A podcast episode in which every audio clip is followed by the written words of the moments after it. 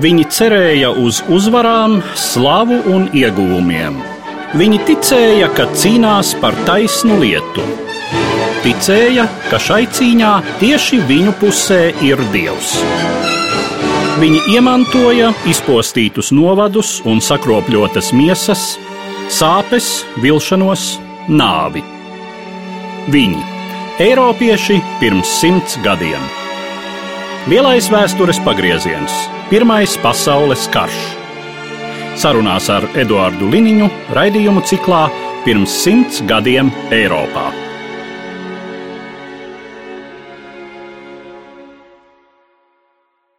Labdien, cienījamie klausītāji! Nāves sala ir vieta netālu no Rīgas, kas saistās ar Pirmā pasaules kara vēsturi, tajā skaitā ar latviešu strēlnieku vēsturi. Par to, kas bija Nāves sala, mūsu šodienas saruna. Mans sarunbiedrs studijā - vēsturnieks, rezerves pulkvedis Jānis Hartmanis. Labdien! Sveicināti! Par Nāves salas šī placdarma Daugavas kreisajā krastā rašanos man atmiņā padomju laikā ir tāds gan ne gluži vēsturiskā literatūrā, bet kādā atmiņu literatūrā lasīts apgalvojums, ka tas placdarms radās nejauši, tāpēc, ka kāda krievu daļa, krievu armijai atkāpjoties pāri Daugavai, esot aizkavējusies, aizķērusies šai kreisajā krastā, tur ierakusies un tā nu izveidojies šis placdarms, vai tāds apgalvojums atbilst patiesībai? Tā ir falsifikācija. Padomu laikā Pirmā pasaules kara vēsture tika ļoti izkropļota un pasniegta padomu laika vēstures izpratnes sistēmā. Tātad kā šķiru cīņa, kapitālisti dzen nāvē parastos kareivus, kas iepriekš bija zemnieki un strādnieki. 1915. gads un nāves salas izcelšanās oficiāli dokumentos tika saukta par Ikšķilas priekšstiltu nocietinājumiem. Radās lielu kauju rezultātā, jo šai gadā Vācija nolēma pāriet uz karu vienā frontē, tāda rietumfrontē. Un lielākā daļa vienību tika sūtīta pret Krievijas armiju 1915. gada kampaņā, lai Krievijas armiju sakautu un piespiestu Krievijas impēriju izstāties no kara. Šo plānu vācieši nespēja realizēt, bet viņi iekaroja visu Poliju, Lietuvu un pusi no Latvijas. Un lēnām 1915. gada oktobra sākumā viņi pienāca pie Dāngavas kreisā krasta, pie Rīgas, iepratī Mikšķelē. Situācija tolaik bija diezgan smaga, jo tas bija traģisks laiks, jo cilvēki gāja bēgļos, gan arī puse latviešu tautas nokļuva svešumā. Otra lieta - vācieši, protams, cerēja ieņemt Rīgu. Tā bija viena no tolaik galvenajām Krievijas impērijas pilsētām Un, protams, tas ir ne tikai militārs panākums, bet arī politisks, jo vācieši Rīgu uzskatīja par savu pilsētu. Krievijas armijas ģenerāļi plānoja Rīgu aizstāvēt un neatdot ne pa kādu cenu. Tāpēc arī tika izveidots tilts no kreisā uz labo krastu iepratīm Ikšķilē. To jau krietni iepriekš uzbūvēja Ikšķilē esošie Krievu armijas sapieri. Un šo tiltu izmantoja ne tikai armija, kas atkāpās no Zemgals un no Lietuvas, bet uh, arī bēgļi. Tiltu, lai aizsargātu no vāciešu kavalērijas vienībām, kas vienmēr darbojās avangardā, sargāja ierakumi, kas jau iepriekš bija izgatavoti tilta pašā galā virzienā uz dienvidiem, lai pēkšņi kāda vācu izlūka nevarētu šo tiltu dienvidu galu sagrābt. Ierakumi bija pusaplī, un viņi, protams, bija aizsargāti ar dzelendrāšu āžiem. Tas, kas tika rakstīts padomu laikos par šo tā kā nejaušo kauju, tas neatbilst visam tam, kas notika tajā laikā Dogmals pusē. Tiltu aizsargāja viena daļa no apvienotā Mažaiskas kājnieku pulka, un šīs vienības rindās arī bija pirmā latviešu strelnieka Roberta Pogas vecākais brālis Arvīts Poga. Arī nezināms skaits vēl latviešu cīnījās šai vienības sastāvā. Protams, viņi bija pirmajās rindās. Viņam bija daudz lielāka motivācija cīnīties par savu zemi, bet arī krievu karavīri, kas lielākā daļa bija pulka sastāvā, arī varonīgi cīnījās. Un šeit sākās tā laika tipiska kauja. No abām pusēm artērija, ierakumi, kainieki, tātad uzbrukumi vairāk vāciešu. Un šeit ne tikai mužaiskas pulka karavīru varonība bija tā galvenā, bet, ja tā tīra no militārā viedokļa, Krievijas artērijas pārākums. Krievi izvietoja savus lielgabalus Ikšķils patreizējās pilsētas centrālajā daļā, kur bija pauguri, un viņi ļoti labi pārredzēja kreiso Dāngos krastu. Bez tam krieviem tolaik artilēristiem nebija problēmas ar munīciju.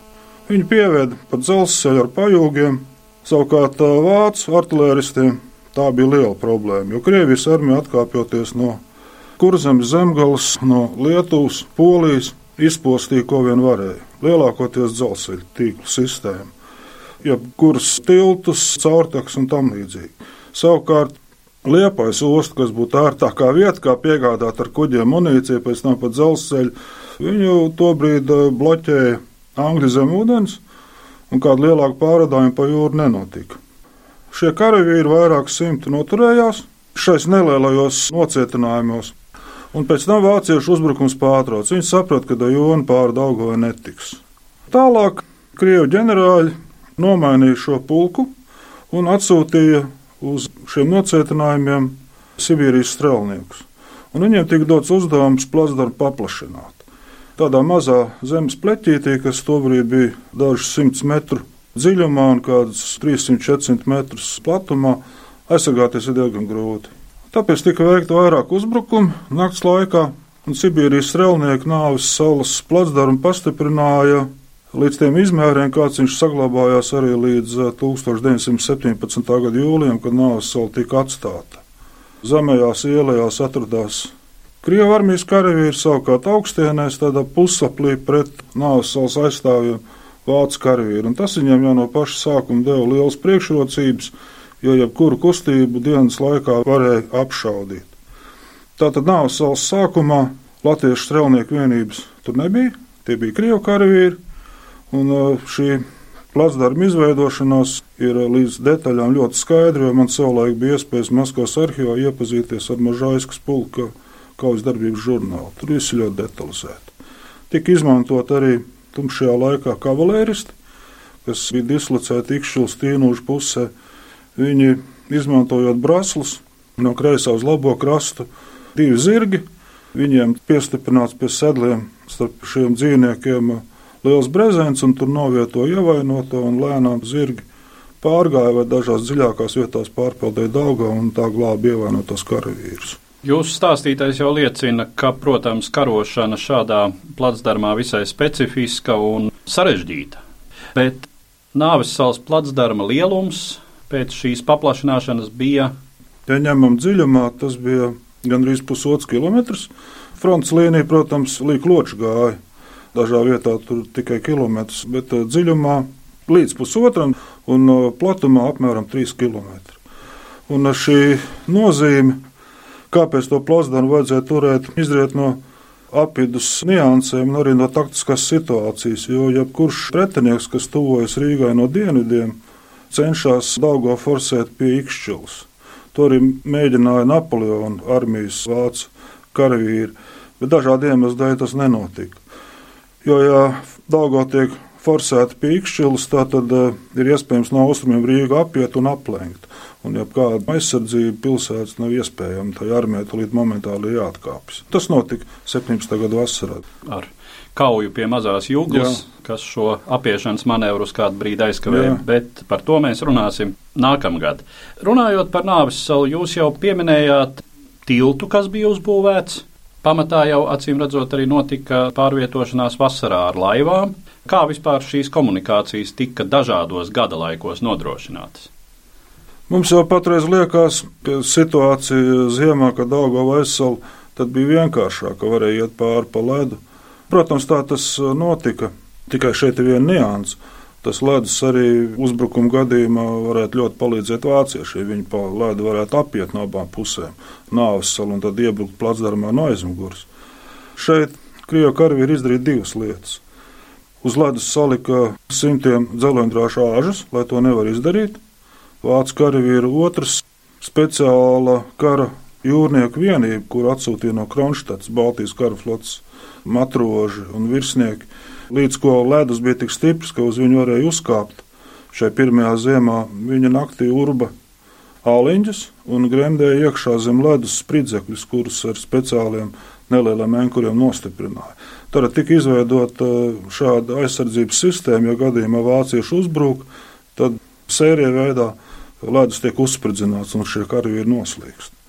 Protams, kara jūrnieki cieta zaudējumus, vairāk kritušie un vairāk desmit tika ievainoti. Jo, protams, kaļot ledu, tas viss ir dzirdams, un vācieši uz to troksni šāva ložmetējiem un šautenēm, bet viņi to izdarīja. Un apbalvojuma dokumentos ir redzams, ka vairāk šie kara jūrnieki saņem svētā jūra krustus par šo varonību. Kurā brīdī Nāves salā parādās latviešu strēlnieku vienības? Latviešu strēlnieku vienības parādās 1916. gada agrā pavasarī, kad tikko ir izgājis ledus.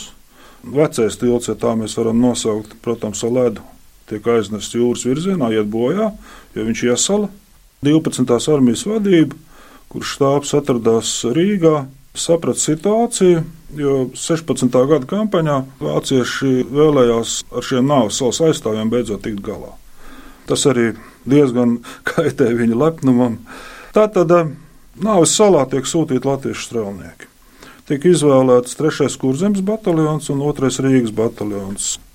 Slavenais 1. Daugaugrības bataljons tiek nolikts rezervē, jo kaujā pie ķekavas 8. martā viņš bija cietis ļoti pamatīgs zaudējums, īpaši virsnieki bija lielā skaitā izsist no ierīnas.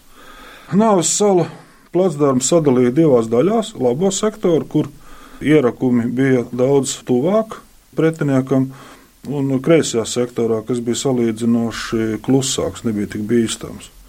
Un latvieši vienmēr sūtīja labajā sektorā, tas ir tuvāk Rīgai. Tā karošana bija ļoti saudabīga, respektīvi tas bija milzīgs stress. Zināmā mērā šie karavīri atradās pusielēnkumā, priekšā vācieši, aizmugurē Daugava. Tāpēc ik pa trim nedēļām latviešu bataljons šajā labajā nāves salas iecirknī viens otru nomainīja. Krievu ģenerāļu nodoms bija absolūti skaidrs. Tolaik latviešu strēlnieki iemantoja šo slavu, viņi bija uzticami karotāji, un viņiem bija ļoti augsta morāla. Kā arī šajā laikā, 16. gada pirmajos mēnešos, īpaši pirmajos trīs izveidotajos bataljonos, Lielākā daļa karotāju bija brīvprātīgie, kuriem bija īpaši augsta morāla un cīņas gars. Šis lēmums bija pilnīgi pareizs, jo arī krievu karavīri turoties blakus latviešu strēlniekiem, viņi jutās drošāki.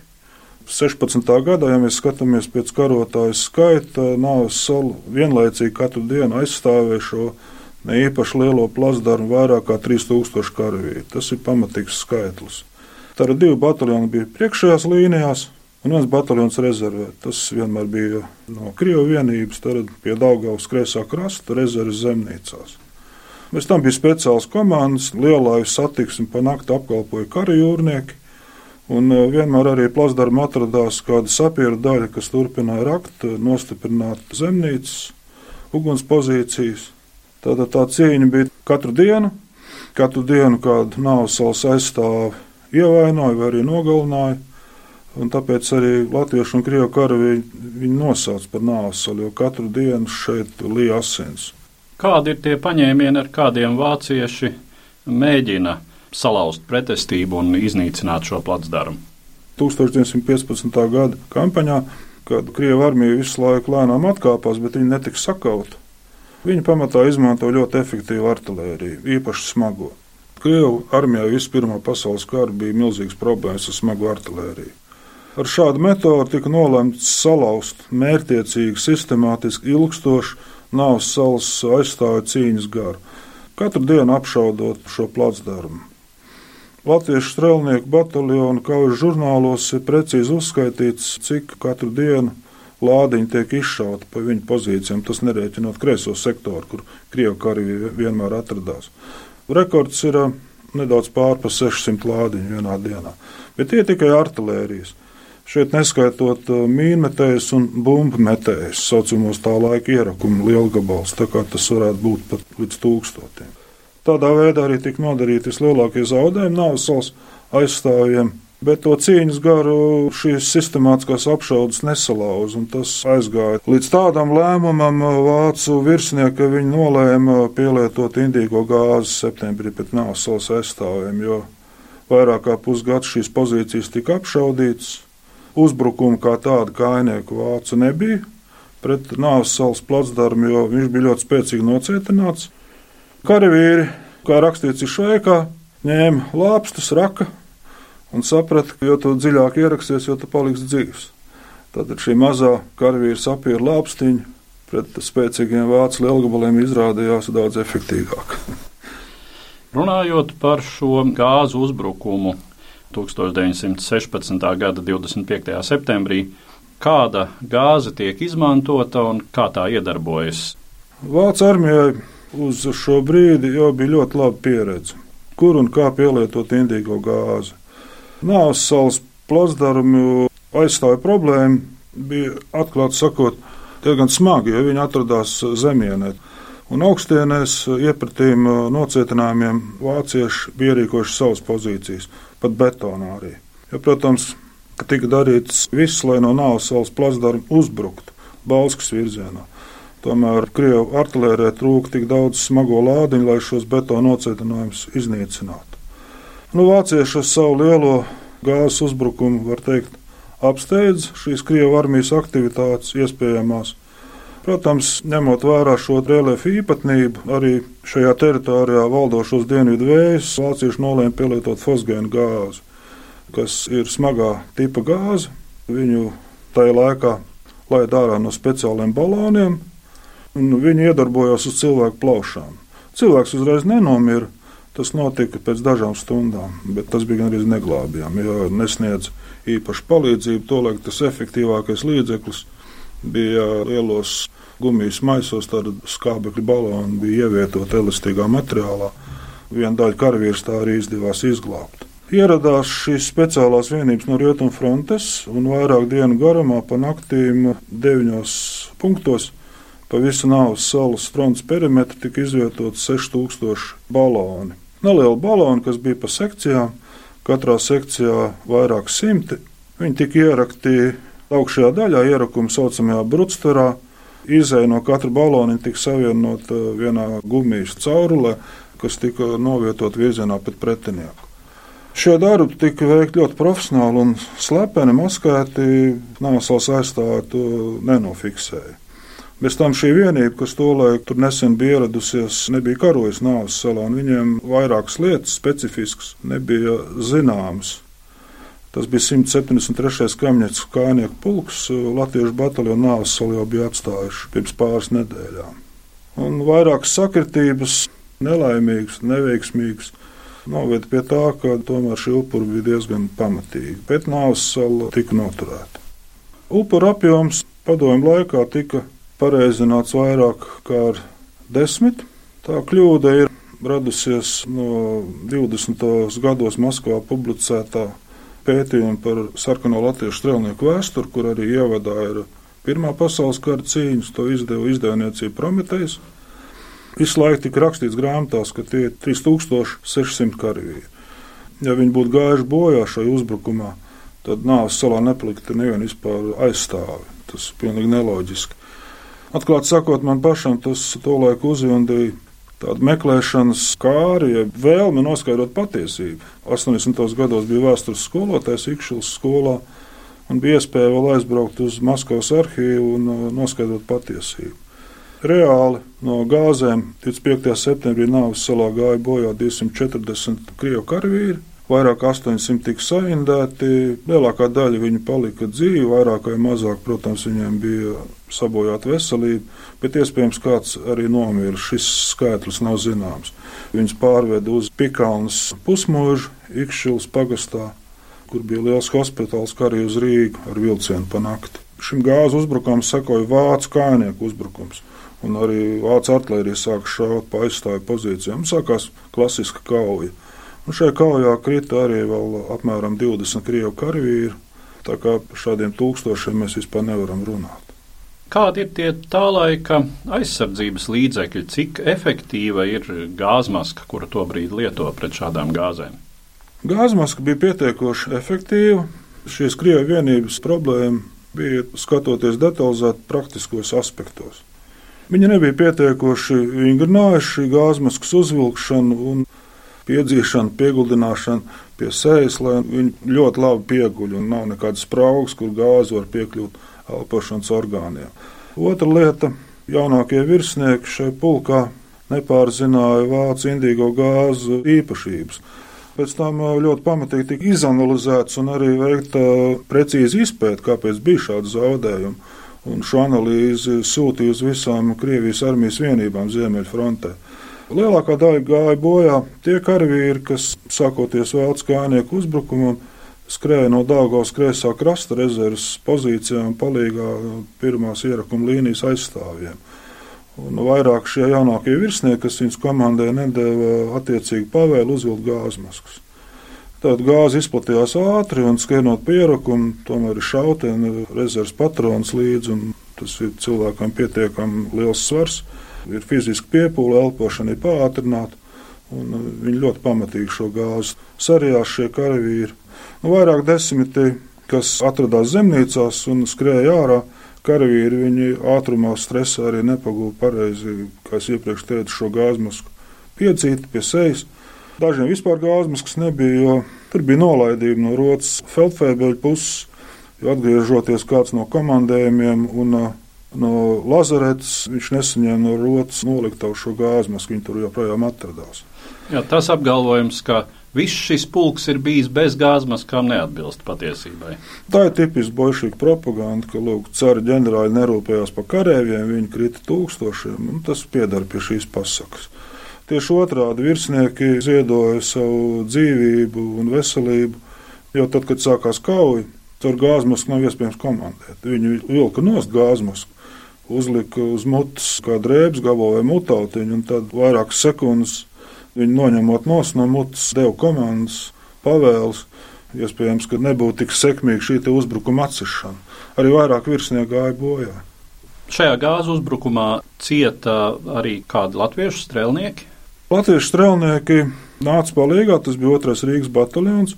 Viņi atradās apmēram 7 km no Nāves salas rezervē, Tīnužu mūžas stūmā. Ar to mums viņi pienāca pie krasta, jo Skaidrs, ka Krievijas pulks bija apmēram zaudējis ceturto daļu no kaujas sastāvā, un viņām vajadzēja palīdzēt. Un visu labo sektoru lēnām ceļoties pāri Daugavai ar lielaivām un arī skrienot pāri pa šo kānieku tiltu, viņi vairāk stundu laikā nomainīja dzīvi palikušos Krievijas karavīrus labajā nocietinājuma sektorā. Nedaudz vēl gāzes uzbrukumi turpinājās, un arī apšaudas no otrā Rīgas bataljona krita tikai divi karavīri. Vairāk nedaudz cieta no indīgās gāzes, bet viņi nenomira. Latvieši bija labāk trenēti cīņā pret uh, indīgo gāzi. Acīm redzot, tas arī ir iemesls. Protams, viņiem šī gāzes koncentrācija kauja jau gājas beigām, viņa arī bija krietni mazāka. Šeit gan ir jāpiebilst, ka kopumā tā 25. septembra agrā rītā, un vispār rīta stundās gāzes koncentrācija bija milzīga. Jo vismaz trīs gadus Nāves salā un Ikšķulas labajā krastā iepratīm Nāves salā neauga zāle. Un arī gāja bojā vairāk civiliedzīvotāji, kas nedaudz no tīnūža mūžas uz Dāngos pusi dzīvoja to laiku un arī pašā tīnūža apkārtnē. Mūsu prātam pat varbūt tas ir grūti aptverams.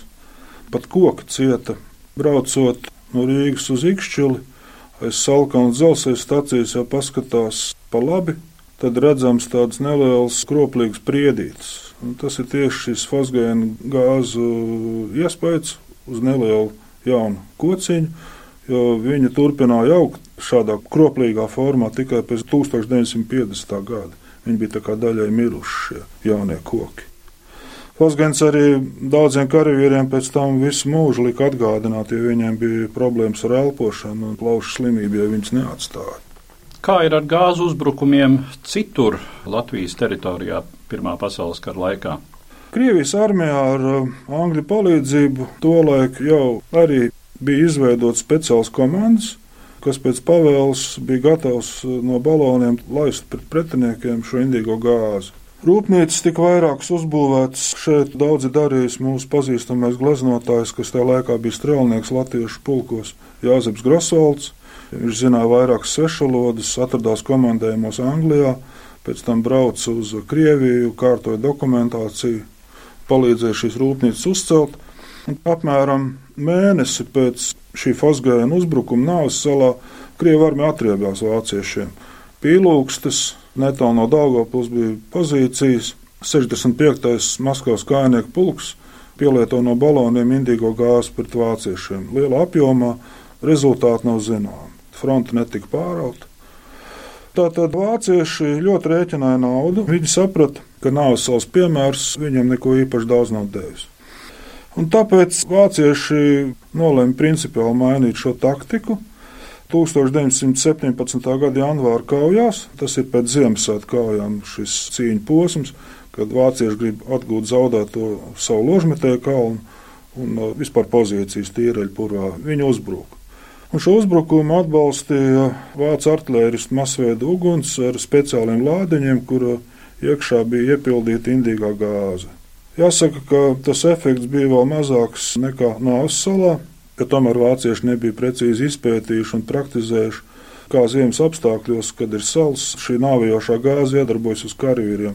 Otrs, ka viņi nespēja sasniegt šīs gāzes koncentrācijas kaut kādu objektu, artērijas bateriju vai blindāžu vai novērošanas punktu.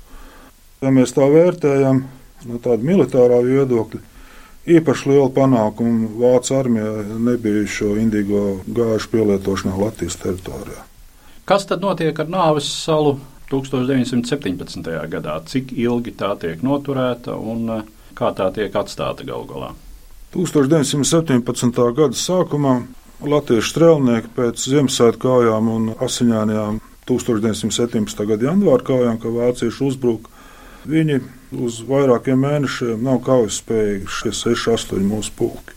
Vairāk kā 2000 krituši, pār pat 10 tūkstoši ir ievainoti, apsaldēti, kontuzēti. Tātad vienības tiek apmācītas, aizpildītas tukšās štata vietas. Tajā laikā krīt Nikolais II, frontē iestājas nosacīts klusums, Dažās vietās pat sākas brāļošanās. Latviešu strēlnieki vairāk nāves salā līdz šī placdarma atstāšanai vairāk nenonāk. Pagaidu valdības laikā frontē pie Rīgas notiek process, kas ir līdzīgs citos frontes iecirkņos, armija samazinās. Dažādu iemeslu dēļ. Viens ir tas, ka tas ir ļoti dārgs prieks uzturēt milzīgu lielu armiju. Valstī sākās nekārtības, tas viss ir ļoti labi aprakstīts vēstures grāmatās. Pie Rīgas 12. armijas vadība nolēma iztaisnot fronti. Tātad atvilk vienības no Rīgas jūrmālas teritorijas, tuvāk Babītas ezeram, un arī frontes iztaisnošanas rezultātā tiek atstāta bez kaujas jūlijā Nāves sala. Pēc vairāk kā mēneša seko traģisks rezultāts. Vācieši forcēja pīkšķi uz Daugavu, jo lūk, Nāves salas plasdams viņiem vairāk netraucē to izdarīt, un Rīga krīt divu dienu kauju laikā, kas latviešiem ir uh, milzīga traģēdija. Kā šobrīd izskatās Nāves sala un uh, cik tālu daļu teritorijas ir apludinājuši Rīgas hidroelektrostacijas ūdenskrātuves ūdeņi, cik lielu priekšstatu var gūt par to, kāda tā situācija bija Pirmajā pasaules karā? Mūsdienās Nāves sala tiešām ir sala. Apludināta ir apmēram no kopējās teritorijas trīs ceturdaļas. Kaujas zeme ir zem ūdens. Piemineklis, ko atklāja 1924. gadā pirmais valsts prezidents Jānis Čakste, ir saglabājies. Mūsu bruņoto spēku karavīri viņu regulāri attīra no sūnām, izmantojot alpinismu elementus. Un trīs gadu laikā Čekavas pašvaldība ir organizējusi vairākus pasākumus, arī ieguldījusi naudu, Te ir bijuši ļoti aktīvi brīvprātīgie, gan no Dārgājas pagasts, gan no ķekavas, gan no Ikšķils, no Rīgas. Ne tikai karavīri, zemesargi, virsnieki, bet arī studentu korporāciju pārstāvi brīvprātīgie. Kopīgiem spēkiem uh, ir ierīkota apļveida taka, tur, kur atradās mūsu strelnieku ierakumi. Pilnībā ir atjaunots septiņu nezināmo abedījums. Tas ir dienvidu daļā, tā bijušajā plasdarma vietā, kas ir virs ūdens un arī vairāk kā desmit metru garumā ierakums tieši tajā vietā, kur viņš ir bijis. Arī uzbūvēts pāris zemnīcas, lai cilvēkiem rodas vairāk priekšstats, kā tas viss ir noticis. Dabīgi pilnībā šo priekšstatu nevar uh, iegūt, rādot cilvēkiem un stāstot. Šis ūdens tūms ir novedis pie tādas situācijas, ka ļoti daudz sauguši koki. Tolaik cīņu laikā nāves sala bija pilnīgi pārredzama, jo artērija šos kokus izpostīja, un arī karavīri zāģēja kokus naktī, rīkoja sev paslēptos un, un būvēja zemnīcas. Pirms diviem gadiem notika šeit kaujas rekonstrukcija nāves salā. Brīvprātīgie karavīri, zemesargi un arī ikšķils aizsargi parāda vienu no kauju epizodēm Nāves salā. Tur bija daudz cilvēku skatītāju to laiku. Droši vien ar to mēs arī varētu noslēgt mūsu šodienas sarunu, kas bija veltīta Pirmā pasaules kara notikumiem Nāves salā, arī 25. septembrī notikušajam gāzu uzbrukumam šai vietā. Un es saku paldies par šo sarunu vēsturniekam, rezerves pulkvedim Jānim Hartmanim. Ticība un cerības vilšanās un nāve, zaudējumi un ieguvumi. Pirms simts gadiem Eiropā. Raidījumā šīs dienas acīm sarunājamies par Pirmo pasaules karu.